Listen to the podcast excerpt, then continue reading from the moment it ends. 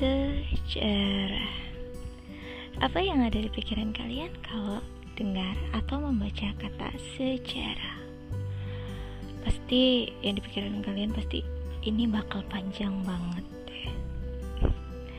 Dan ini yang jadi salah satu penyebab kita tuh kadang malas membaca buku sejarah atau mungkin gak ada waktu. Tapi tenang aja, di sini aku bakal bantu kalian buat ceritain sejarah-sejarah yang aku ketahui baik itu sejarah dunia, sejarah kita, sejarah Nusantara, baik itu cerita legendanya, cerita rakyat atau kisah-kisah yang ada di Nusantara. Kalian juga bisa kok share-share sama aku soal sejarah-sejarah yang kalian ketahui. Mari kita kenal sejarah.